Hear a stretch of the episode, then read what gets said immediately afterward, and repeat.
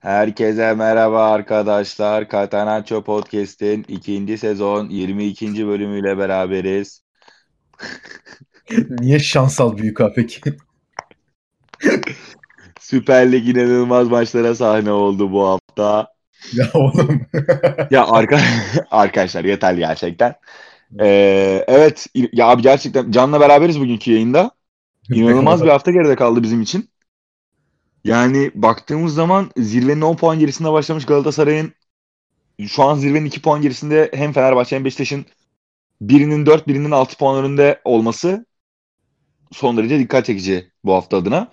Tabii tüm rakipler birbirini kırmaya devam ediyor. Galatasaray'ın zor fikstürü yakın zamanda başlayacak ama şuna da değinmek gerekiyor. Zaten yayında konuşacağız. Fenerbahçe de zor fikstürünün bittiği haftada, bittiğini düşündükleri haftada Ankara gücü deplasmanında Ankara gücü rotasyon oyuncularıyla sahadayken yani tabii ki yeni transferleri sahadaydı ama hani en önemli iki silahından bir tanesi Orgil yokken sahada ve maç öncesi Mustafa Reis Akçay bizim daha önemli maçlarımız var.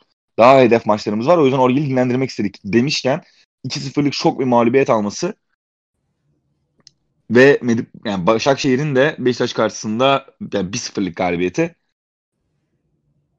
dikkate değer, konuşmaya değer şeyler olarak düşündük. O yüzden bu yayında bunları konuşarak başlamak istedik. Ee, abi istersen Fenerbahçe ile başlayalım. Hı hı. Yani Fenerbahçe'de çok kısa bir şey söyleyip pasını atmak istiyorum. Tabii. %85'e %15 toplu oynama oranına sahip bir takımdan bahsediyoruz. İlk 35 dakikada deplasmanda. Evet. Ama üreticilikten uzak olmasını bir kenara bırakıyorum. İlk 35 dakika içerisinde kalesine gelen 3 tane top var. Ankara gücünün kontra çıktığı ya da set hücumu olarak çıktı. İkisi kontraydı bir tanesi set hücumuydu.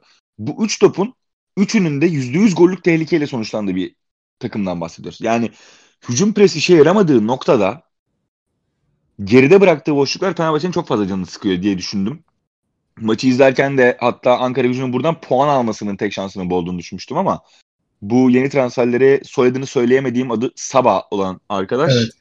e, gerçekten son derece iyi bir performans sergiledi. Yani bir gol bir asist tamamladı maçı. Ki daha da fazlasını yapabilirdi yani. Hani işte bu Gelson Rodriguez, Getson Rodriguez sanırım. Ee, ona yaptığı bir orta var. Bomboş kale. Adam dışarıya vurdu. Başka bir pozisyonda yine çok iyi bir pas çıkardı. Yine Ankara gücü forvetleri değerlendiremedi. Hani çok daha fazlasını da yapabilirdi. Maça damgasını vuran oyuncu olarak dikkatimi çekti benim. Ee, istersen abi önce sen Fenerbahçe'yi değerlendirerek başla. Oradan Galatasaray'ı değerlendiririz. Küçük bir Beşiktaş'a değiniriz. Beşiktaş Başakşehir Başakşehir Beşiktaş maçına değiniriz. Ondan sonra tabii ki haftaların haftası, derbi haftası bir küçük değerlendirme yapar yayını kapatırız zaten. Aynen öyle. Ya Fenerbahçe şimdi Geri Rodriguez sakattı bir kere zaten onun eksiğinde çıktılar maça. Yine Tolga Ciğerci başladı ve Ersun Yanal'a çok büyük tepki olduğunu gördüm ben. Hani bunu sadece Twitter'da ne bileyim ekşi sözlükte gördüğüm yorumlardan çok hani Fenerbahçe muhabirleri işte televizyonlara çıkan Fenerbahçeli yorumcular, maç hakkında konuşan insanların neredeyse %95'i bu e, bir kere sahaya çıkan 11 hakkında çok pesimistik konuşuyorlardı zaten maç öncesinde. Maç sonrasında da bu kadronun ne kadar e, yanlış olduğunu ve maça ne kadar yanlış hazırlandığını Fenerbahçe'nin hep anlattı yorumcular. Ya ben de açıkçası onlara e, katılıyorum. Çünkü şimdi Tolga Ciğerci'nin sol kanatta hala denenmesini ben açıkçası bir futbol izleyicisi olarak anlayamıyorum. Çünkü yani üç büyüklerde oynayan bir kanat oyuncusundan esas beklenti nedir? Normal olarak gol veya asist katkısında bulunması. Yani daha işte hızlı kanat olur, teknik kanat olur, son vuruşu iyi kanat olur, forvetlerden devşirme kanat olur. Ama yani hücum organizasyonlarında takımın e, belli bir yere sahip olur. İşte sezon başına belli bir gol ve asist katkısı yapar. Yani takımın e, hücumundaki ana opsiyonlardan ikincisi ve e, maksimum üçüncüsü olur. Yani çift forvet falan durumunda. Ama şimdi Tolga Ciğerci bunu kaldırabilen bir profilde biri değil. Şimdi bir hatırladığım tek şeyi hani Tolga Ciğerci'nin bu tarz bir performans verdiği bu 2017-2018 sezonunda Galatasaray'da oynarken Tudor Galatasaray'ın başındayken Tolga Ciğerci sol kanatta değerlendirmişti. Daha Feguli işte yeni gelmişti biraz sakattı takıma adapte olacak falan derken Geri Rodriguez sağ kanatta Tolga Ciğerci sol kanatta oynuyordu. Ama yani o zaman da Tolga Ciğerci hani sürekli pozisyona giriyor. Sürekli işte e, deplase oluyor kanatta. Sürekli karşı karşıya bırakıyor kendini şeklinde değil. Daha çok hani ceza sahası dışından yaptığı vuruşlarla golleri buluyordu. Ondan sonra zaten e, Fatih Terim'in de gelmesi, Feguli Rodriguez kanatlarının oturmasıyla zaten Tolga Ciğerci'nin bir işlevi kalmamıştı. Orta sahada da çünkü yararlanılamamıştı kendisinden. E, geçen seneyi sakat geçirmişti. Bu sene hadi biraz yani Fenerbahçe'nin oyununda biraz kendine yer buldu işte. Hani orta sahaya yardım olsun. Cruze biraz daha kanada açılıyor öyle olunca. İşte Geri Rodriguez oynadığı zaman Geri Rodriguez o kanatta defansa yardım etmiyor. İşte Tolga orada yardımcı da, daha e, bekine yardımcı konumda olan bir kanat oluyor falan gibi şeyler oldu ama yani yok işte yani bu son vuruşları da zaten gerilemiş gözüküyor. E, takımın hücumuna da herhangi bir katkısı yok. Ya bir kere zaten hani ya ben açıkçası Ferdi Kadıoğlu'nu o kadar çok beğenen biri değilim. Çok fazla e, gaza geleniyor onun hakkında gibime geliyor. Hani evet iyi performanslar gösterdiği oldu çok işte ara ara ama hep böyle ne bileyim 3-0'lık maça girip dördüncü golü attığı oldu. Veya kupada fena oynamadı oldu. Bir tek işte benim aklıma gelen ilk yarıda oynadıkları Başakşehir maçında e, 1-0 gerideyken Fenerbahçe girip e, ikinci golün asistini yapmıştı. Ve işte galibiyeti getiren golün asistini yapmıştı Ferdi ama yani onun haricinde öyle çok bana ışık veren bir oyuncu değil şimdilik en azından. Yani süre alsa ne olur bilmiyorum ama ya en azından onunla onunla bile başlasa anlardım. Yani Deniz'i sol kanatta işte Ferdi'yi sağ kanatta değerlendirse en azından daha bir hareketli hücum hattı olurdu Fenerbahçe'nin. Tolga'yı oraya koyduğu zaman Cruze de mecburen Kanada gidiyor. E Cruze'den yararlanamıyor bu sefer. Hani Cruze son haftalardaki kendini bulmuştu. Gol atıyordu. Ama bunu nasıl yapıyordu? Hani Muriç'in yanına hep çıkıyordu ileriye. E şimdi onu da yapamayınca Fenerbahçe'nin hücumu da tıkanıyor. Şey, Mustafa Reşit Akçay da açıkçası Fenerbahçe gayet iyi çalışmış. Zaten bu Osmanlı Spor döneminde de kontratak üstüne oynayan bir e, hocaydı. Hatta yanlış hatırlamıyorsam e, Villarreal ile e, aynı gruba düşmüştü Osmanlı Spor. UEFA'ya gitmişti Osmanlı Spor Mustafa Reşit Akçay'la. Ve o gruptan da çıkmıştı. Villarreal'i deplasmanda yenmiş olması lazım hatta. Niye? Ya çünkü belli bir kontratak şablonu vardı. Mesela şu, o, o zaman bu sol bekleri Pinto Ankara gücünde şu an öğrencisi. O zaman da Osmanlı Spor'daydı. Ya yani onu mesela ileriye çok atıyordu. Yine hızlı kanatları vardı. Şimdi ismini unuttum. Şu an Rize'de oynuyor. Umar Amino ha. O vardı. Yani yine hızlı kanatlarla yine bu şekilde ileriye top atıp oyuncuyu koşturup dribbling üstünden ortaya çıkarılan toplarla gol buluyordu. E yine aynısını yaptı. Fenerbahçe de bunu e, bu tarz goller yemeyi açıkçası çok nasıl diyeyim müsait, müsait bir takım durumda. Aynen öyle. E çünkü niye? Şimdi ikinci yarının başında bir kere önce Emre Belezoğlu girdi. Yani Emre Belezoğlu'nun bu maçta girmesi bir kere ne gibi bir faydası olacaktı? O zaten tartışma konusu. E, girdikten sonra sakatlandı zaten. Tam sakatlandığı için yanlış bir değişiklik olarak gözüküyor olabilir de zaten en başta girmesi yanlıştı. Yani ne oldu? Cruze sol kanada geçti. E, e yani yine yavaş bir oyuncu. E, ortada oyunu kuracak kişi hadi Emre Belezoğlu geriden kuracak oyunu da orada Muriç'in arkasında bir boşluk oluşuyor. Ozan da Gustavo da Emre de çünkü oraya doldurabilecek profilde oyuncular değil. Yani yapması beklenen görev o değil çünkü onların. E ondan sonra anca artık dakikalar ilerledikçe Ferdi ve Mevlüt hamlesi geldi. Ama işte hücumda çok tutuk gördüm ben Fenerbahçe'yi ve hani en çok eleştirilen bir başka konuda ben geçen hafta söyledim burada bunu. Hani Jailson geçen hafta iki tane penaltı yaptırdı. İkisinde de çok e, çok yanlış müdahalelerde bulunmuştu. Ve iyi bir performans sergilemediğini düşünüyorum demiştim. Ama Fenerbahçelilerin hani sezon başında stoper yok deniyordu. Hani Rami hazır değil şu bu. Rami geleli bir kere 6 ay oldu. Rami hala hazır değilse antrenman programında bir sıkıntı vardır takımın. O zaten ayrı bir konu da. Yani hala bir stoper konamıyorsa oraya e, falet alınmış devre arasında işte kupa maçında oynatılmış. E, denenebilir en azından. Yine Jailson'un hatalı e, hatasının olduğu bir gol var. Altay e, çok kötü boşa çıktı ilk pozisyon, ilk golle. Ya ben mesela Altay'ı savunuyordum ama mesela o golü yedikten sonra Altay artık hani benim de savunabilecek bir tarafım kalmadı. Hani karşı karşıyalarda çok iyi bir kaleci olduğunu hala düşünüyorum ama yani genç bir kaleci tabii ki sabır gösterilebilir. Yani Muslera geldiğinde 23 yaşında mıydı? 24 yaşında mıydı? Neydi?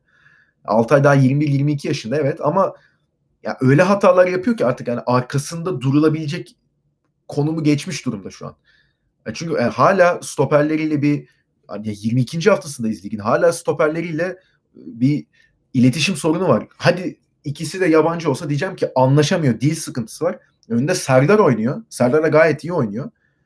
E, Serdar'la anlaşamıyor ki. Yan topların hiçbirinde doğru düzgün çıkamıyor. Ben ne zaman korner veya yan e, free yese Fenerbahçe orta açılırken acaba alta yumruklayacak mı diye izliyorum. E şimdi kaleci de bu durumdayken e, Jailson kötü bir performans sergiliyor 2-3 haftadır. Hücumda hiçbir etkinliği yoktu Fenerbahçe. Bir tane işte e, ilk yarıda kaçırdıkları pozisyon vardı. Kim kaçırdı hatırlamıyorum. Karşı karşıya Cruze veya Tolga, Tolga'ydı tam hatırlamıyorum. E, bir o var bir de işte 90 artı 6'da arkaya seken bir topa Serdar Aziz güzel bir vuruş yaptı gol var. Onun haricinde Ankara gücü çok doğru oynadı bence. Şimdi büyük yani üç büyüklerden birine de açıkçası başka şekilde oynamak yani kadro yapısı gereğiyle olmazdı bence Ankara gücünün. Çok da ihtiyaçları olan bir 3 puan aldı ama ya Fenerbahçe'nin herhalde bu maçta yani 3 puanı kaybetti. Luis Gustavo'yu kaybetti. Derbide Luis Gustavo olmayacak ki bence takımın en iyi oyuncusuydu şu ana kadarki sezonda. Hani Muriç'ten bile bence daha etkili bir oyuncuydu. Emre Belezoğlu da yok. O da sakatlandı maç içinde. Geri Rodriguez de yok. Ve Hasan Ali Kaldırım da hala e, 90 dakika çıkarabilecek durumda olmadığı için Direr oynuyor orada. Yani Fenerbahçe şimdi yani taraftarları artık bitti. İşte sezonu kapayalım falan şeklinde konuşuyordu. Ben o kadar konuşmak için erken olduğunu düşünüyorum ama biraz bir kriz içine girmiş gibi duruyorlar. Ya bilmiyorum derbi onlar için artık hakikaten tamam mı devam mı maçına döndü. Ay sen ne düşünüyorsun? Yani hani herhalde ilk defa böyle gördük çünkü Fenerbahçe'yi bu sezon. Ve hani ben bu kadar e, pozisyonla girmede sıkıntı yaşayan bir Fenerbahçe göreceğimizi hele hele Ankara gücü karşısında hiç beklemiyordum. Buna ek olarak bir de Ersun Yanal maç sonrası birkaç açıklama yaptı. Onlar hakkında ne düşünüyorsun? Bir de hani sence bu derbide mesela bir mağlubiyet gelirse Ersun Yanal'la yollar ayrılır mı Fenerbahçe'de? Ya bir kere tersten başlayayım ben. Derbide mağlubiyet gelirse Ersun Yanal'ın Fenerbahçe kontratı sonlanmış demektir. Yani bu soruya yok ya bence e, Ersun Yanal sezon tamamlar diyecek bir Fenerbahçeli de Galatasaraylı da hani ligi yakından takip eden hiç kimseyi tanımıyorum. Çünkü zaten ligi yakından takip eden herkes aslında Ersun Yanal'ın Fenerbahçe'ye tamamen taraftar desteğiyle bulunduğunu, Fenerbahçe yönetiminin başta Ali Koç olmak üzere Ersun Yanal'ı sevmediğini, istemediğini, kulüpte tutmak istem yani kulüpte barındırmak da istemediğini biliyor. Şimdi burada içeride 20 küsür sene sonra alınacak bir Galatasaray mağlubiyeti Ersun Yanal'a %100 bu kapıların hepsini kapatır. Ee, yani diğer taraftan baktığın zaman Fenerbahçe'nin ben Galatasaray'ın çok panzehirli bir oyun oynadığını düşünüyorum. Yani Ankara gücü maçında %85'e %15 toplu oynama oranına rağmen sürekli kontrayı yiyen, senin dediğin gibi Mustafa Reşit Akçay'ın takımlarının ortak özelliğidir zaten. Ee, ve buna ve bu noktada dersine iyi çalışmış olmamız yine hücum pres yaparak Gustavo işte Tolga'nın yine oynama sebebinin ben tamamen o hücum presteki gücü ve e, fiziksel özellikleri olduğunu düşünüyorum. Ve Ozan bu üçlünün yaptığı hücum pres Ankara gücünün rahatça arkaya gitmesine sebebiyet verdi. Ama Galatasaray maçında bunu bu şekilde düşünemeyiz. Özellikle bugünkü sakatlığından sonra Lemina'nın Galatasaray'da o bölgede derbide büyük ihtimalle seri Ömer Belhanda üçlüsü gibi bir üçlü izleyeceğiz. Hatta belki işte seri Ömer Emre Akbaba olabilir. Yani topu bu noktada stoperlerin arasına girip çıkarabilecek bir özelliği olmadığı zaman Galatasaray'ın orta sahasının ve seri bu noktada bu rol üstünde Seher Kadıköy deplasmanında şöyle bir Fenerbahçe için artısı olabilir bu durumun. Ciddi anlamda o yaptıkları hücum presin Muriç'in de destek vermesiyle fiziksel özellikleri gerçekten yerlerde olan seriyi son derece zorlayacağını düşünüyorum. Yani birazdan konuşuruz zaten. Bugünkü Malatya Spor maçında dahi güzel hareketler, güzel işler yapmasına rağmen seri yine çok basit top kayıpları yaptı ve yine gerçekten takımını çok zor durumlara soktu. Yani bunu 55 bin kişilik bir taraftar baskısı altında Kadıköy deplasmanında seriye yüklemek yani benim burada haftalarda söylediğim Fenerbahçe Galatasaray'ın panzehiri oyun oynuyor söylemini sonuna kadar destekler. Ee, yani 5'e 6'ya giden bir derbi seyretmek istemiyorsak ben Galatasaray'ın burada e, ciddi anlamda gardını alması gerektiğini düşünüyorum ve doğru bir oyunla Kadıköy deplasmana çıkması gerektiğini düşünüyorum. Yani haftalardır oynadığı, haftalardır kazandığı oyunun Kadıköy deplasmanında ben işe yarayacağını düşünmüyorum. Tabii burada Gustavo'nun derbide olmayacak olması da ciddi bir etmen. Yani Fenerbahçe açısından Ankara deplasmanı kabus gibi bir yer yani. Emre Belezoğlu'nun sakatlığı, derbiyi kaçıracak olması, en azından takım ateşleyici rolü o noktada üstlenemeyecek olması, üstüne Gustavo'nun sarı kart cezası durumuna düşmesi efendim, ve 2-0'lık gelen mağlubiyet hani 2-1. 2-1 işte yani. Tam çıkış noktasında yükselecek Fenerbahçe'nin yani yükselmeye başlayacak Fenerbahçe'nin ciddi anlamda sekteye uğradığı bir yer oldu Ankara deplasmanı. E, onlar için de son çare... Bir şey soracağım da e, Gustavo'nun cezası, Emre'nin sakatlığından bahsettin. Sence peki derbide orta sahayı ve defans nasıl kuracak? Sence yine Jason stoperde başlar orta sahaya ne bileyim işte Tolga'yı ne bileyim Zayt'sı birini mi atar yoksa artık Jason'u işte Ozan'ın yanına koyup e, veya işte Tolga'yı e, Tolga Ciğerci'yi orta sahada kullanır. Yani ne, ne bekliyorsun yani artık stopere Ya şu Falet, Falet oynayabiliyor değil mi? efendim? Falet dediğimiz adam oynayabiliyor değil mi? Evet evet Falet kaydedildi. Topçu Yedek değil mi o? Yani Topçu mu o? ya işte kupa maçında oynamış 90 dakika. Ben izlemedim açıkçası bir şey demiyorum ama yani 40'lar Yani karşı. şöyle bir şey söylemek gerekiyor burada bence abi. Hani Jailson'u orta Jailson'u orta sahaya atmak bence Fenerbahçe açısından doğru bir hamle derbide. Çünkü zaten takımla tanışıklığı olan Galatasaray derbilerini daha önce oynamış, o stresi kaldırabilmiş eee, bir oyuncunun orta sahada rol alması, yani asıl mevkide orta sahayken o bölgede rol alması Gustavo'nun eksikliğinde bence doğru hamle. Ama burada şöyle bir şey var. Falet burada ne kadar doğru bir hamle. Yani Rami- çektiğin zaman orta sahaya Rami ya da Falet'le Galatasaray der- derbisine çıkmak ya bana kalırsa rakip forvet Radamel Falcao da olsa, Adem Büyük de olsa, işte Fernandon da olsa ciddi anlamda takımı riske atmak demektir ki kalene gelen yani 17 maçta ilk top gol olmuş. Hani 17 değil de 12 mi ne ama çok yüksek bir rakam. 17 o kalesine gelen 17 kalesine ilk topun geldi 17 maçta 12 gol yedi mi? Öyle bir öyle bir istatistik Öyle bir şey, evet. böyle bir istatistik Evet. var da yani çok yüksek bir rakam gerçekten. Çok. Hani bu şekilde değerlendirdiğim zaman ben ben Jelson'un yine stoperde Serdar'la beraber olacağını ve orta Tolga'nın ya da dediğin gibi Tolga Ciğerci'nin görev alacağını düşünüyorum. Şöyle olabilir. Tolga orta sahaya çekilebilir. Zaten ilk 11'in bir parçası iken. Ee, Deniz Türüç doğrudan kanatta yer alabilir ama tabii Geri Rodriguez de yok yani. Sağda mı solda mı Deniz'i kullanacağını bilmiyorum. Ferdi Ee. Fer- aynen onu söyleyecektim şimdi. Yani Ferdi o kadroya monte olabilir. Ya Ferdi oynarsa da hani işte Galatasaray. Fenerbahçe Fenerbahçe Galatasaray maçlarının tarihidir. Kaldırabilir mi değil. Ferdi Galatasaray karşı Ferdi gol atar. Yani öyle de bir öyle de bir Fenerbahçe'nin şeyi var. Hani böyle ge- böyle genç oyuncu. Geçen seneyi düşün mesela yani. Elmas tabii. Küfür. Elmas. Yani. Yani 17 milyon euroya derbide attığı golle Napoli'ye giden Elif. Hani böyle bir durumda söz konusu aslında. Ama şunu da söylemek gerekiyor. Yani Galatasaray'ın 4 puan gerisine düşmüş bir takımın e, yani toparlaması mümkün mü? Mümkün. Ama ligin ilk yarısı göz önüne alındığında çok iyi bir başlangıç yapan Fenerbahçe Galatasaray'ın 4 puan önünde kapatmıştı devreyi. Ve sadece 5 haftada Galatasaray'ın 4 puan gerisine düştü.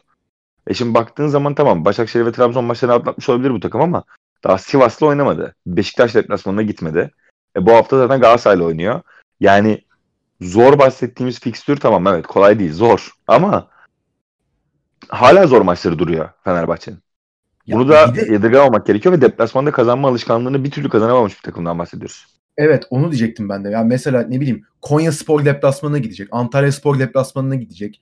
Kasımpaşa deplasmanında bir sıkıntı yaşayacaklarını düşünmüyorum. Gençler Birliği deplasmanına gidecek. Yani bunlar da ligde kalmak için uğraşan takımlar. Şimdi hani bir de Fenerbahçe'nin aldığı mağlubiyetlere bakıyoruz. Fenerbahçe'nin 6 mağlubiyeti var. Bunlardan 3'ü şimdi bak ligin 18. sırasındaki Kayseri Spor'a, 16. sırasındaki Antalya Spor'a, 15. sırasındaki Ankara Gücü'ne. Yani Şimdi bu takımlara kaybetmiş bir Fenerbahçe var.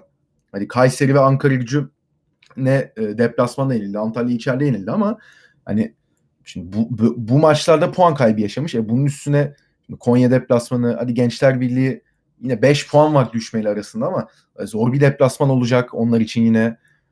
Yani iyi bir deplasman oyununa ihtiyaçları var diyeceğim de şimdi geriye de 12 hafta kaldı sadece. Yani Galatasaray maçında yaşayacakları bir puan kaybı. E Ben beraberliğin açıkçası onları o kadar e, ya beraberlik de Fenerbahçe yetebilecek bir durumda bence şu an. Ondan sonra bir galibiyet serisi yakalayabilirler ama ya Ersun Yanal'ın ben beraberlik durumunda bile takımın başında kalabileceğini düşünmüyorum. Yani kesinlikle bir galibiyete ihtiyacı var. Ama o riski alabilir mi? Bunu da tartışmak gerekiyor burada. Yani Fenerbahçe'nin oyunu bana kalırsa Galatasaray'ın oyununa göre daha güçlü. Hala daha güçlü. Ama yani Kadıköy'e Fenerbahçe %100 galibiyet parolasıyla çıkıp hani şunu düşünüyorum bir yandan da 60. dakika 0-0 yenilmiş bir maçta Ankara gücü deplasmanında yaptığı İslay'ı çıkarayım işte Mevlüt'ü alayım hamlesini Galatasaray'a karşı yapmak o kadar da kolay bir şey değil Ersun Yanal. Ne Ersun Yanal için ne Fenerbahçe'nin kulübü için. Yani çünkü Fenerbahçe bu maçlara Galatasaray bakmıyor. Ya Galatasaray beraberlikleri çıksa oradan mağlup da çıksa Galatasaray hocasına sordukları zaman nedir kardeşim bu ne oluyor? 28 senede kazanamıyorsun burada dedikleri zaman yani çok tam değil yani. Sene sonunda kupayı kaldırıyorum ben Mayıs'ta. Cemiyetlere er diyor adam yani. Yani diğer türlü diğer türlü Ersun Yanal'ı düşünüyorum mesela. Berabere kalsa bir şekilde kurtarır. Geçen sene Galatasaray şampiyon oluyordu. Berabere kaldı. Çıktı basın toplantısında belki de bu beraberlikle Galatasaray'ı şampiyonluktan ettikle de bütün taraftar aa aslanım benim koçum benim arasına girdi bir anda. İşte. Yani ama burada alacağı bir mağlubiyetin herhangi bir açıklaması yok. Kulüp tarihinin adını yazdırır adam. Ya, Mayıslar sizin olsun biz Nisan'da şampiyonuz dedikleri adam büyük ihtimalle yani çok affedersin kıçına teneke bağlanarak yollanır yani. Bir daha da yüzüne falan bakmazlar 22 sene sonra Galatasaray'ı kaybeden bir teknik direktör. Yok hiç ki ben şeye bile şaşırdım ya artık hani Yalakalın kitabını yazmış Ahmet Ercanlar bile artık o yani Ersun Yanal'a laf ediyorsa ki hakikaten baya baya laf etmiş. Ben baya şaşırdım yani. yani o bile diyorsa ki yani yönetimin kalemi direkt yani o işte yalakalıktan direkt bütün şeyleri buna söylüyorlar. O da yazdığına göre hakikaten Fenerbahçe yani şey Galatasaray derbisi artık bir final niteliğinde Arsenal için. Abi istiyorsan buradan Galatasaray maçına da geçelim. Zaten biraz derbi. Aynen aynen. Tam onu söyleyecektim. Sana da Galatasaray maçına geçelim ufaktan diyecektim. Ee, yani 18 gol atıp 2 gol yemiş bir takımı değerlendireceğiz bugün. Galatasaray'ın Malatya maçından sonra ama yani bir şey söyleyip pası sana bırakmak istiyorum burada. E, zaman zaman ligin ilk yarısında oynadığı kısır ve sıkıcı futboldan e, esintiler sunan Galatasaray varken zaman zaman da oyunun temposunu yükselten ligin ikinci yarısında kazandığı dört karşılaşmada etkisiyle birazcık daha kendine özgüveni olan e, hatta işte Antalya'yı da sayarsak 5 maçı üst üste kazanıp Malatya maçına çıkmış bir takımdan bahsediyoruz. Kupada Alanya'ya karşı yani toplam gol eşitliğine rağmen işte deplasman golüyle kaybet, kaybetmiş ama elinden geleni yapmış bir takımdan bahsediyoruz. Burada tek söyleyeceğim şey Galatasaray'la ilgili. Galatasaray ilk kez 6 maç sonra Antalya maçına dahil ediyorum. Hatta içerideki Alanya maçına dahil ediyorum. Az kadroyla çıktı. 7 maç sonra ilk kez ilk yerden bir esinti sunarken gördük. Evet. Şimdi bu ilk yerden esinti sunmasının temel sebeplerinden bir tanesi olarak şunu, da, şunu söyleyebiliyorum ben. Bu takım zaten kurulduğu günden itibaren çift maç haftasını kaldırabilecek bir takım değil. Yani aynı hafta takım olmadığını gerek orta sahanın en değerli oyuncusu bence Mario Lemina işte bugün sakatlandı. Gerek işte forveti e, Radamel Falcao işte 24. haftada 3. kez falan oynadı yani herhalde. Hani çift maça döndüğü zaman bu takım bir şekilde bir sürü sakat veriyor ve bir şekilde kendini savunmayı başaramıyor. Yani oyundan düşüyor. Performans olarak oyundan düşüyor.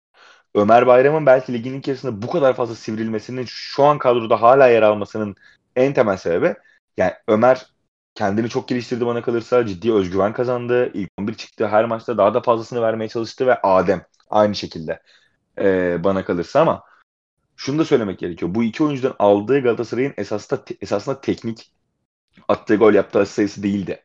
En başta gerçekten fizik kondisyon olarak bitik durumda olan ve çift maç haftasını kaldıramayan ve saha içerisinde hiçbir şekilde enerjisini yükseltemeyen bir takımın enerjisini ciddi anlamda yukarıya çeken bir ikiliydi. Enerji ortalaması yani bunu bir 3 olarak düşünelim mesela. Galatasaray'ın geri kalan 9 oyuncusunu. Ya Ömer'le Adem öyle bir noktadaydı ki yani 9'larda seyrederken takımın bir anda ortalamasını 3'ten 3.4'e 3.5'e çekiyordu.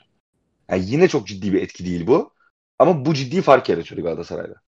Şimdi devre arası kampıyla beraber takımın da bir arada çalışmasıyla beraber bu birazcık daha yükselmiş. Elbette yükselmiş ki Galatasaray hem Alanya'yı içeride 3-1 yenip hem üstüne gidip Malatya'ya Malatya karşı evinde 1-0'lık galibiyet alabiliyor.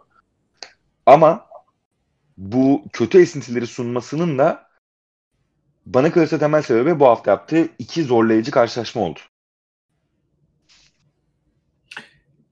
Ya onun bence de etkisi var. Çünkü Alanya Spor maçında bu hafta içi kupada oynadığı maçta Galatasaray ben mesela çok beğendim o maçta Galatasaray'ı. Bence sezonun e, en iyi performanslarından biriydi ki hani Alanya Spor da e, dişli bir rakip.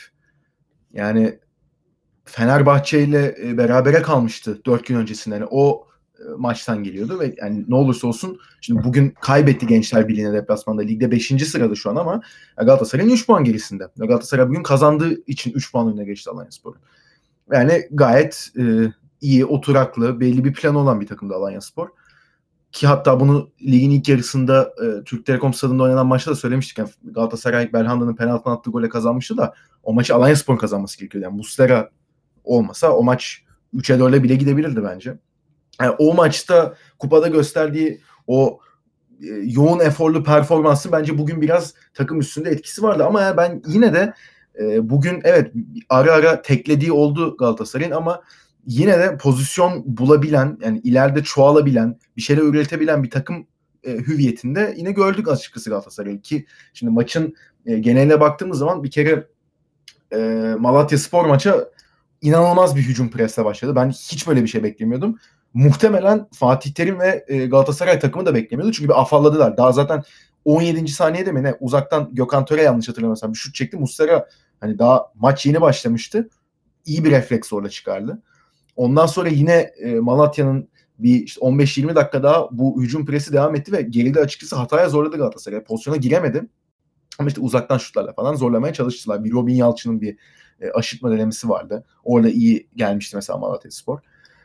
Ama ondan sonra tabii Galatasaray yine biraz ipleri eline aldı ki e, kaçırdığı pozisyonlar da var. Bir kere Adem'in bir tane sayılmayan golü var. E, ben ilk başta ona offside doğru karar demiştim. El var böyle pozisyona yani offside olmasa bile e, el yüzünden zaten verilmezdi gol ama ya o pozisyon mesela offside yok. Çünkü hani bu sene yönetmelik değişmiş hani rakipten ge- geçen sene hatta rakipten gelen topları bilinçli bilinçsizini geçtik artık. Hatta sen dedin e, maçtan sonra konuşurken geçen sene Galatasaray'ın şampiyon olurken Onyekuru ile attığı golde Kudryashov topa dokunuyor. Onyekuru offside'da ama Kudryashov'dan geldiği için bilinçsiz bir müdahale olmasına rağmen topu ağları gönderici. Mesela offside çalınmamıştı. İşte Adem'in o kaçırdığı pozisyon var. Emre Akbaba'nın bir tane e, Onyekuru'nun çıkardığı topta şutu var. E, Adem'in uzaktan bir şutu var. Orada mesela soldan Ömer bindiriyor. Onu görmemişti. Fatih Terim'in orada hatta bir serzenişi vardı. Ya onun haricinde yine bir şeyler deniyordu Galatasaray. E, penaltı pozisyonunda e, ben Galatasaray'ın oradaki o paslaşmasını çok beğendim ki bunu açıkçası ikinci yarının başından beri görüyoruz. Burada Feguli biraz geri çekiliyor kanatta. Sağ bek pozisyondaki kişi daha ortaya atıyor kendini orta sahaya. Emre Akbaba da kanattan, sağ kanattan içeriye doğru koşu atıyor ve oradaki üçgen sonunda em, yani o koşuyu atan kişi Emre Akbaba olsun işte Feguli oldu bir iki kere. Karşı karşıya kalıyor. E, stop e, pardon sağ bekin verdiği pasla. Bugün de karşı karşıya kaldı. Orada vurabilirdi ama bence penaltıya gitti. Penaltı zaten doğru yani onda bir şey yok. Adem de çok güzel bir penaltı kullandı. Ondan sonra ikinci yarı Galatasaray koparabilirdi maçı. Zaten bir e, Adem Büyük'ün yine sol ayakla kaçırdığı bir pozisyon var. Çok çok net bir pozisyon. Penaltı noktasının biraz daha önünden. Ben gol zannettim zaten onu. Çok az farklı dışarı gitti. Bir tane Donk'un kafası var direkten dönen. Hemen o direkten döndükten sonra Adem kalenin içinden topu tribüne yolladı. Onyekuru'nun bir karşı karşıya kaldığı Falcao'nun pasında ve topu dışarıya yolladığı pozisyon var. Hemen onun iki dakika sonrasında Falcao'nun bomboş pozisyonda buluşup yanındakilere pas vermeyip kaleye bir çektiği bir şut var. Yani açıkçası Galatasaray bugün e, biraz daha iyi değerlendirebilseydi pozisyonları daha rahat bir galibiyet alabilirdi ama işte e, gol golü yapma noktasında sıkıntı yaşadılar ama tabii şimdi bu oyunu hani bir maçlık bence tolere edebilir Galatasaray ve haftaya açıkçası bu şekilde bir e, yani daha dinlenmiş şekilde çıkacak bence Galatasaray. Şimdi buradaki kritik nokta nasıl Fenerbahçe'de Gustavo'nun işte Emre Belezoğlu'nun e, Geri Rodriguez'in maçta olmayacağından konuştuk. Burada bence kritik nokta sen de demin e, maç kadrosu nasıl olabilir diye sayarken mesela Lemina'nın ismini kullanmadın. Lemina bugün sakatlanıp oyundan çıktı ama anladığım kadarıyla öyle çok önemli bir şey yok. E, GS TV'de de maçtan sonra onu gördüm mü bilmiyorum. E, GS TV muhabiri bağlandı canlı yayına. Yani bir ağrı hissetti adelesinde evet ama hani sakatlandı kesin diye çıkmadı. Tedbir amaçlı hani daha fazla yormayalım. E, o şey soğumaya bırakalım demiş e, kulüp doktoru İnce'ne. O yüzden çıkarmışlar. Salı günde MR'ı çekecekmiş zaten. Ben açıkçası oynayabileceğini düşünüyorum Lemina'nın. Fatih Terim böyle kesin yok gibi bir cümle kullanmadı. kullanmadı da yani yine de olmazsa da ol, olmaz dedi tabii ki. Ama hani ben oynayabileceğini düşünüyorum. Yani oynayabildiği durumda tabii şimdi Galatasaray'ın beklerini nasıl kurma, kuracağı bence burada önemli. Şimdi Mariano'nun yokluğunda bugün e, Lines yedek başladı. Şener ilk 45 dakikada oynadı. Benim uzun zamandır gördüğüm en kötü back performansıydı. Hani bu kadar kötü bir back performansı görmemiştim ben. Çok uzun zamandır. Ger- gerçekten hani top süremedi. De- defansta sürekli pozisyon kaybetti. Bifuma o kanattaydı zaten. Bifuma parçaladı orayı. E, yani kademeye giremiyor. Yanına pas atamıyor. Çok fazla top kaybı yaptı. Yani hakikaten felaket bir ilk yarı geçirdi. Hemen zaten Fatih Terim Lines'i aldı ikinci yarının başında. Yani şimdi Saratçı oynayabilecek mi? O bir kere önemli. Saratçı oynayabilirse Galatasaray'da bence e, Galatasaray'ın bu Malatya maçı öncesi periyottaki gösterdiği performansı göstermesine daha yardımcı olacak Saratçı. Hani Lines'in de yedek kalacağını düşünüyorum ben. Yani Mariano Saratçı bekleriyle çıkacağını düşünüyorum Fatih Terim'in. E böyle bir denklemde de şimdi Ömer Bayram'dan ileride yani kanat olarak faydalanabilecek Galatasaray. Bu bence çok kritik bir nokta olacak derbi açısından. Çünkü hani Ömer Bayram bugün sol bekte de gördük. Yine e, bayağı faydalı oynadı ama hani sol bekte ileri fazla çıktığı için geride boşluk bırakıyor. Bir de ilerideki o dinamizmi bence takıma daha faydalı oluyor. Hani öyle olduğu için e, hani Ömer'in sol bekte değerlendirilmeyeceğini düşünüyorum derbide. E, bir de şimdi tabii Ömer sol kanatta değerlendirilirse e, Onyekuru mu yedek kalacak? İşte Forvet'te kim çıkacak? Ya biraz tabii bunlarla kurcalıyordur Fatih Terim'in kafasını ama ya ben dediğim gibi Saratçı'nın sol bekte, Ömer'in sol açıkta Onyekuru'nun yedekte olacağını düşünüyorum. Tek işte burada e, denklemi değiştirebilecek durumda Lemina sakat olursa eğer Ömer'in Ömer'in orta sahada serinin partneri olacağını düşünüyorum. Emre Akbaba yine ilk 11 başlar. Bu sefer Onyekuru sol kanatta başlar işte hani sağ kanatta Feguli zaten hani onu kesebilecek bir oyuncu olduğunu düşünmüyorum ben. Hani Sekidika falan oynamaz herhalde. Bir de işte Forvet'te hani Adem mi Falcao mu ikilemi var. İkileme bakar mısın yalnız yani? Şimdi ben hani şey diyemiyorum şu an. Hani Falcao oynasın abi diyemiyorum. E çünkü Adem hani atıyor yani dört maç üst üste bir gol atmış bir oyuncudan bahsediyoruz şu an. Ya yani bugün biri Twitter'a şey yazmış onu okudum kahkaha attım okurken ya. Şey demiş e, dakika 70 falandı maçta işte. A, a, e, Adem'i çıkaralım artık. E, Fenerbahçe maçına sarı kart sınırında kart falan görmesi sakatlamasın Falcao girsin onu yine yazmış. Yani hani Falcao çok da umurumuzda değilmiş gibi bir durum var yani şu sıralar. Ki hak ediyor da bence Adem bu övgüyü. Ya ben diyorum hani şeyde söyle adını mesajlaşırken falan şov yapıyorum şimdi çaktırma da. ya işin şakası bir yana hakikaten şimdi ben o kadar yetenekli bir oyuncu olduğunu düşünmüyorum Adem'in. Ama yani şimdi herkes takımında izlerken bir tane böyle çok fazla yetenekli olmayan ama hani sahada bunu geçen hafta da söyledim. Daha önceki hafta da söylemiş olabilirim. Sahada hakikaten ölmeye çıkmış, ölmek için oynayan bir oyuncu görünce ya hoşuna gidiyor insan tabii ki. Ya bir de abi gollerini de atıyor. Tam iki tane penaltıdan attı da Hani geçen hafta mesela Kasımpaşa attığı gol gayet güzeldi. Bu hafta e, Malatya attığı sayılmayan goldeki kontrolü hoş elle kontrol etti de sonraki vuruşu güzeldi. Alanya maçında kupada attı iki tane. Atıyor yani. Ve hani hücumda da açıkçası ben e, faydalı işler de yapabildiğini düşünüyorum. Çünkü şeyi de biraz e, nasıl diyeyim Falcao daha statik bir oyuncu. Adem çok koşturuyor. Öyle olunca ne bileyim Onyekuru ve Feguli de boşluk bulabiliyor gibi hissediyorum ben. Tabii sen ne düşünüyorsun bilmiyorum da. Ama yani Kadıköy deplasmanı da Adem'le mi çıkılır Falcao'yla mı ona da bir hala karar veremedim yani.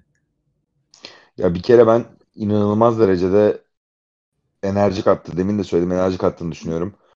Hava toplarında ciddi hakimiyeti var. Aldığı topu kolay kolay ayağından vermiyor. Hani sadece attığı gol ya da yaptığı asist değil, ciddi anlamda takım ileriye yerleşmesine yardımcı oluyor yani. 1.60 falan boyu var. Gerçekten hani çok çelimsiz gözüküyor. Sen hatta yerden kalkmıyor falan diyorsun ama hani sürekli faul alıyor. Sürekli ciddi anlamda takımın ileriye yerleşmesine katkıda bulunuyor. Uzun topları da indirme yeteneğine sahip. Yani ben bence bu hamleyi Adem'in çok daha ya bu sıçramayı ben Adem'in çok daha erken yapması gerektiğini düşünüyorum. Hatta galiba senin anlattığın bir hikayeydi. Bu Kasımpaşa başkanına gidip beni Beşiktaş istiyor deyip maaşına zam istemiş evet. de Sonra Kasımpaşa Başkanı da tabii ki falan deyip tabii oğlum yaparız falan deyip Beşiktaş Başkanı'nı arıyor istiyor musunuz diyor. Yok lan öyle bir şey cevap alınca da Adem'i feshedip gönderiyorlar. Adem sonrası Malatya'ya gitmişti. hani Adem'in ben ciddi anlamda ee, hani yetenek sorunu olduğunu düşünmüyorum. Bu sıçramayı yapamaması için. Yani hatta Fatih Terim'le beraber kendini daha da geliştirdiğini düşünüyorum. Yaptığı açıklamalara baktığın zaman da ben hani Adem'in gerçekten ruhunu ortaya koyduğunu görüyorum Galatasaray'da. Yürüyen Galatasaray ya. isim de ya, evet evet ama diğer taraftaki isim de Radamel Falcao yani. Abi evet yani. İşte bazen de böyle yıldız oyuncu sahibi olmanın en dezavantajlı noktası da bu yani. Ne kadar kötü performans sergilerse sergilesin.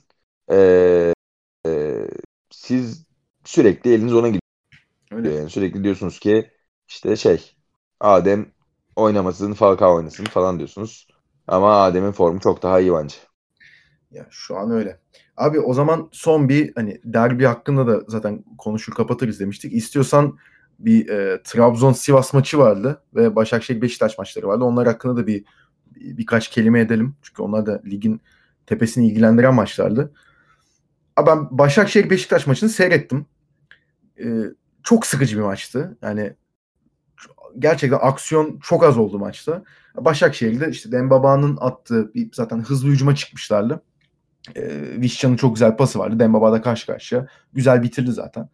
Ondan sonra fen, e, Sergen Yalçın da maçtan sonra bir açıklama yaptı. Hani hiçbir şey yapmayan bir takıma kaybettik diye. Ben açıkçası buna çok katılmıyorum. Yani Beşiktaş işte bakıyorum şu önümde açık %66 topla oynamış. İşte 19 şut çekmiş. İşte 568 tane pas yapmış maç içinde. Tamam çok güzel de. Ya Beşiktaş'ın attığı şutların çoğu e, uzaktan şutlardı. Mert Günok böyle çok iyi bir maç çıkardı. Ama hani e, Mert Günok'u zorlayacak şutlar da çekti Beşiktaş ama öyle karşı karşıya ya bu da nasıl kaçtı diyebileceğim. Mesela Adem'in bugün Malatya'ya kaçırdığı pozisyonu bulamadı Beşiktaş.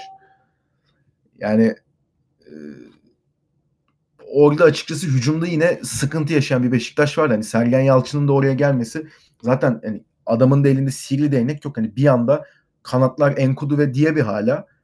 E, Forvet'te de Burak var. Yani bu üçlü cidden hani birbirinden bu kadar alakasız ve bağımsız bir üçlü çok fazla seyretmemiş olabiliriz Süper Lig tarihinde. Hani Enkudu sol kanatta bir şeyler yapmaya çalışıyor. E, tekniği de fena değil. Hızlı bir oyuncu ama sonunu getiremiyor. Diaby desen hiçbir şey yapmıyor. Hani hiçbir faydası yok. Ben Diaby'nin hala nasıl ilk 11 çıktığını anlayamıyorum. E, Burak desen e, o da artık 34 yaşına geldi ve ona pozisyon hazırlanması gerekiyor. Yani kendisi geçen sene işte Şenol Güneş'le beraber 12 gol attı ikinci yarısında ligin. Ve hakikaten Beşiktaş'ı şampiyonluk potasına soktu geçen, geçen sene Burak Yılmaz ama orada işte Lay için e, iyi bir performansı vardı. E, işte Quaresma ona daha pozisyon hazırlıyordu. Ne bileyim Caner e, daha efektif oynuyordu. Öyle durumlarda Burak da geleni atıyordu tabii ki. Ama şimdi hani Laiç zaten yedek kaldı. E, Boateng daha ikinci maçı. Burak da istediği pozisyonları bulamıyor. Zaten kanatlarla hiçbir bağlantısı yok. Yani öyle olunca Beşiktaş pozisyona girmekte zorlanıyor. Ben işte dediğim gibi Sergen Yalçın maç sonu açıklamalarına katılmıyorum o yüzden. Ya Başakşehir'de ya elinden gel, elinden geldiğince açık oynuyor demek biraz yanlış olur da ya skoru aldıktan sonra zorlamıyor hiç kendisini. Ya o e, hani büyük takım refleksi denir ya o, o yok mesela. Hani 1-0 öne geçiyor 50. dakikada. Beşiktaş üstüne geliyor. Hani şey dese ya tamam ben biraz geri çekileyim 10 dakikada kontra arayayım 10 dakikadan sonra da adamlar iyice üstüme gelmeye çalışacağı zaman şok presle ben ileriye çıkayım. 2'yi 3'ü bulayım. Yani mesela bu bir Galatasaray Beşiktaş maçında Galatasaray kendi sahasında 1-0 öne geçerse bunu yapıyor. Veya tam tersi Beşiktaş Fenerbahçe ile oynasın Vodafone Park'ta. Beşiktaş 1-0 öne geçsin bunu yapıyor. Fenerbahçe kendi sahasında bunu yapıyor. Ama işte Başakşehir'de o e, kültür yok. Okan Buruk da biraz bence bu e, durumlarda e, biraz pasif kalıyor. Ya o onu da geliştirebilirse Başakşehir şu an yani ligin ikinci sırasında e, Galatasaray'ın bir puan önünde, Trabzon'un da bir puan gerisinde. Yani şampiyonluk adayılar. Ama hani ben o şampiyonluk içgüdüsü açıkçası göremiyorum hala onlarda. Ya o biraz da isimden kaynaklanıyor bana kalırsa. Başakşehir'de o şampiyonluk içgüdüsünü görememe durumumuz da. Ee, bana kalırsa Abdullah Avcı yani elbette geçen sene Abdullah Avcı ile oynadıkları topun e, yani o prime dönemdeki oynadıkları topun benzerini bence oynamıyorlar. Ama giden oyuncuların yerine doğru oyuncular takviye ettiklerini düşünüyorum ben. Sezonun başında da bunu bu şekilde düşünüyordum. Hatta devre arasına doğru giderken seninle yaptığımız bir yayında şampiyonluk adayları Başakşehir Trabzon diyorduk. Şimdi ligin ilk iki sırasını aldılar. Evet. Yani Başakşehir'den çok çekiniyoruz vesaire bu tarz konuşmalarımız var yani seninle. Trabzon'un öve öve bitiremediğimiz durum vardı. Trabzon Başakşehir şu an ligin ilk iki sırasında. Ama Başakşehir konusunda ben şuna katılıyorum. bir de katılmadığım bir şey var. Şimdi seni şampiyon ya yani bu ligde seni şampiyon yapan şey her şeyden önce istikrar. Şimdi geçen sene Abdullah Avcı'lı Başakşehir Prime'ında çok iyi top oynayıp gerçekten çok güzel sonuçlar alıyordu. Gol yemiyorlardı. Bazı maçlarda 2'ye 3'e çok kolay gidebiliyorlardı. Vesaire vesaire. Ama düşüşe geçtikleri dönemde ciddi anlamda düşüşe geçtiler. Yani Sivas Spor'un bugün yaşadığı travmanın bir benzerini bundan 5 hafta sonra yaşamışlardı. Biraz daha yavaş yaşamışlardı. Yani 3 aşağı 5 yukarı birbirinin aynısı. Ama bugünkü Başakşehir'e baktığım zaman birazcık daha istikrarlı bir takım görüyorum. Yani ne oynamak istediğini bilen, gerçekten o güçlü oyunu ya da zayıf oyunu değil, ortalamanın üstünde elindeki oyuncuların kendisine yarattığı sistemi kurmuş bir Başakşehir'den bahsediyoruz. Şimdi bu da bana kalırsa Başakşehir şampiyonluk adayı yapıyor mu? Yapıyor. Hatta bence geçen seneki durumdan daha fazla yapıyor. Tabii öyle puan farkı yok yine ortada ama e, Fenerbahçe maçından bir diğer Fenerbahçe maçına kadar 16 maçta mağlubiyet almamış bir Başakşehir var. Yani bu arada Başakşehir'in ciddi anlamda puan kayıplarına uğraması gerekiyor ki ligdeki dengeler sırasında Başakşehir bir şampiyon olamaz diyebilelim şu anda. Yani öteki taraftan zaten uçup kaçan bir Trabzonspor var. Onu da birazdan değerlendirirsin diye düşünüyorum. Ya hatta evet sen pas atmışken Trabzonspor'la geçebiliriz. Trabzonspor'da yine kazandı. Bu sefer de Sivas Spor'u yendiler. Abi yani iyi oynuyorlar ya ve hani forvetlerinde tabii Sörlot olunca bazı şeyler çok kolay oluyor yani çok çok iyi oyuncu ya. Tabii ama işte bu maçta hani oynamaması gerekiyordu cezası sebebiyle. O ayrı bir tartışma konusu da. Yani tam bir takım olgusunu bence artık oldular ya. Şimdi hani bakıyorsun Staric yedekte bekliyor hani. Böyle bir takıma evrilmiş durumdalar ki devre arası yaptıkları transferlerle de kadroyu iyice derinleştirdiler. Aldıkları mesela Bilal Başakçıoğlu oynamadı. Bugün o da yedekteydi. İşte Manuel da Costa yavaş yavaş e, giriyor. E, yani Hüseyin Türkmen'den daha iyi bir stoper olduğunu düşünüyorum ben Manuel Costa'nın her türlü. Ya en Vakayeme, en Vakayeme, Vakayeme sakatlığını çok komik bir isim var ya gerçekten tam bir Trabzon'un adı. Vakayeme'nin sakatlığında bugün mesela Abdülkadir Ömür girdi oyuna. Hani bu rotasyon Yok, bence Yok evet, Abdülkadir evet. Parmak Ömür değil.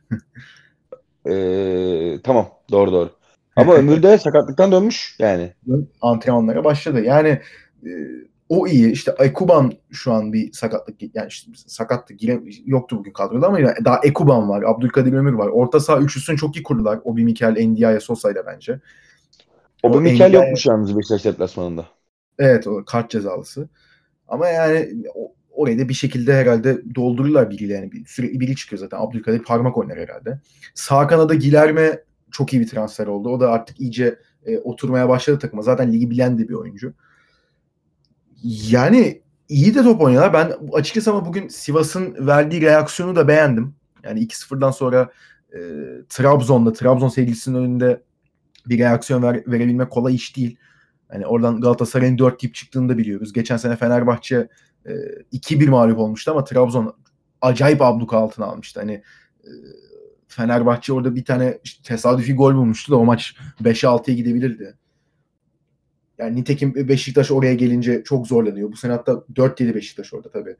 Yani Sivas Spor'un ikinci yarı verdiği reaksiyon gayet e, takdire şayan ama ya onlar da bu işte ikinci yarı zaten başlamadan yaptığımız yayınlarda söylüyorduk. Hani kaldırabilecekler mi bu e, ağırlığı emin değildik.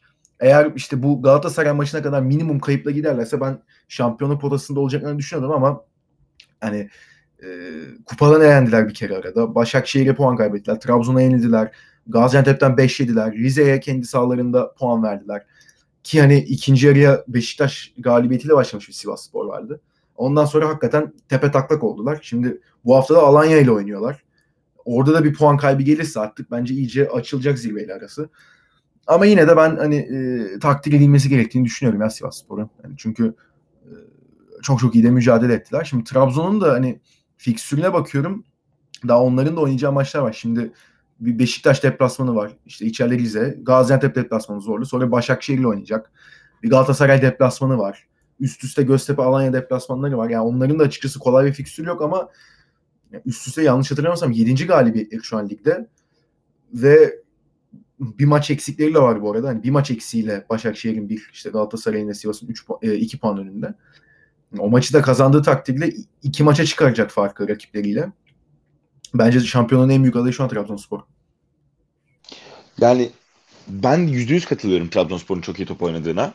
Hatta onların da kolay bir fikstürü yoktu. Onların da o bölgeden çok çok iyi çıktığını düşünüyorum.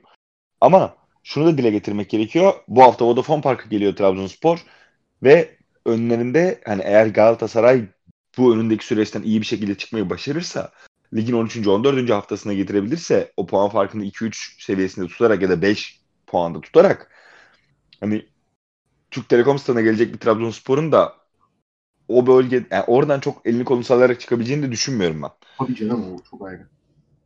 Ama gerçekten hani Ünal Karaman sonrası tamam bu takım bitti ya. Ünal Karaman'ı gönderdiklerine göre işte zaten yeni getirdikleri hocayla bu iş olmaz dediğimiz noktada böyle bir performansla ikinci yarıya başlamaları ve ligin zirvesine bir maçta da eksik olmasına, olmasına rağmen yerleşmeleri ciddi anlamda takdire şayan. Yani herkes performansının zirvesinde kulüpte.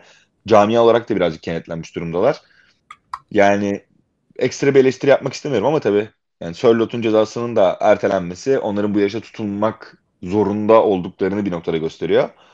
Yani yine de hani yani Sörlot cezalı olacaktı işte bugün oynamayacaktı demek bana kalırsa o gün yani bugün sahada yer alan tüm oyunculara da haksızlık Trabzonspor adına. Hem teknik kadrosuna haksızlık hem yönetimin haksızlık. Yani burada olmayı çoktan hak etmiş bir takıma e, bu ligde herkese geçildiği şekilde bir kez kıyak geçildi yani. Bunu da böyle değerlendirmek gerekiyor. Hani Trabzonspor nefretim yok. Ama Trabzonspor'a ekstra bir sevgim de yok. Ama yine de bunu bir şekilde dile getirmek gerekiyor ki sene başında söylediğimiz şeyi öyle, öyle ya da böyle gerçekleştirmeyi başarabiliyorlar. Bir anda Laz aksanına döneyim mi? Vakame Sosa diye. yani yok ben katılıyorum dediklerine ya zaten. Hani bir de o ceza erteleme olaylarını da abi daha kaç sene önce bak onu hiç unutmayacağım ya. Gökhan Zan'ın bir, bir maç cezası bir yıl ertelenmişti ya Galatasaray'da oynarken. ne oldu? Çektim onu ya sonra. Futbolu bıraktı oğlum. Efe, yok bir sonraki sezonda oynadı. Ömürlük, yani. ömürlük men aldı o. çok enteresan bir şeydi ya. Fatih Terim'in vardı zaman... oğlum öyle şeyde. O onu çekti evet. mi? Ee, Kadıköy şampiyonluk maçında ertelen çekti mi? Çekti çekti şey oldu söyle adını ee, işte ondan sonraki sezon bu hani e, işte kovulup Mancini geldi ya sezon başında bir 2-3 maç yoktu bir işte Fenerbahçe'yi Süper Kupa'da yenmişti Galatasaray bu Ersun Yanal'ın ilk maçında Drogba'nın kafayla gol attı orada mesela şeydeydi e, tribündeydi hatta hatırlarsın bir tane fotoğraf var ya televizyona bakıyor. Ha, Terimception. Aynen işte o Çok sinir Hatırladım hatırladım. Fatih bir ara şey cezası vardı ya. Bir daha yaparsan üstüne 3 daha ekleriz diye. Bir daha yapıp üstüne 9 maç aldı ya. evet abi. evet, 6 maç veriyoruz. 3 de eskiden kalmış. Yatarım var deyip.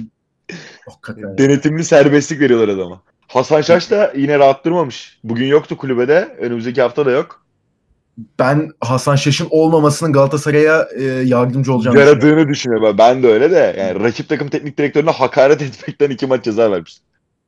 Ne dediğini çok merak ediyorum da Hasan Şaş demiştir ya biraz. Enteresan bir kişilik olduğu için. Yani deli ya deli.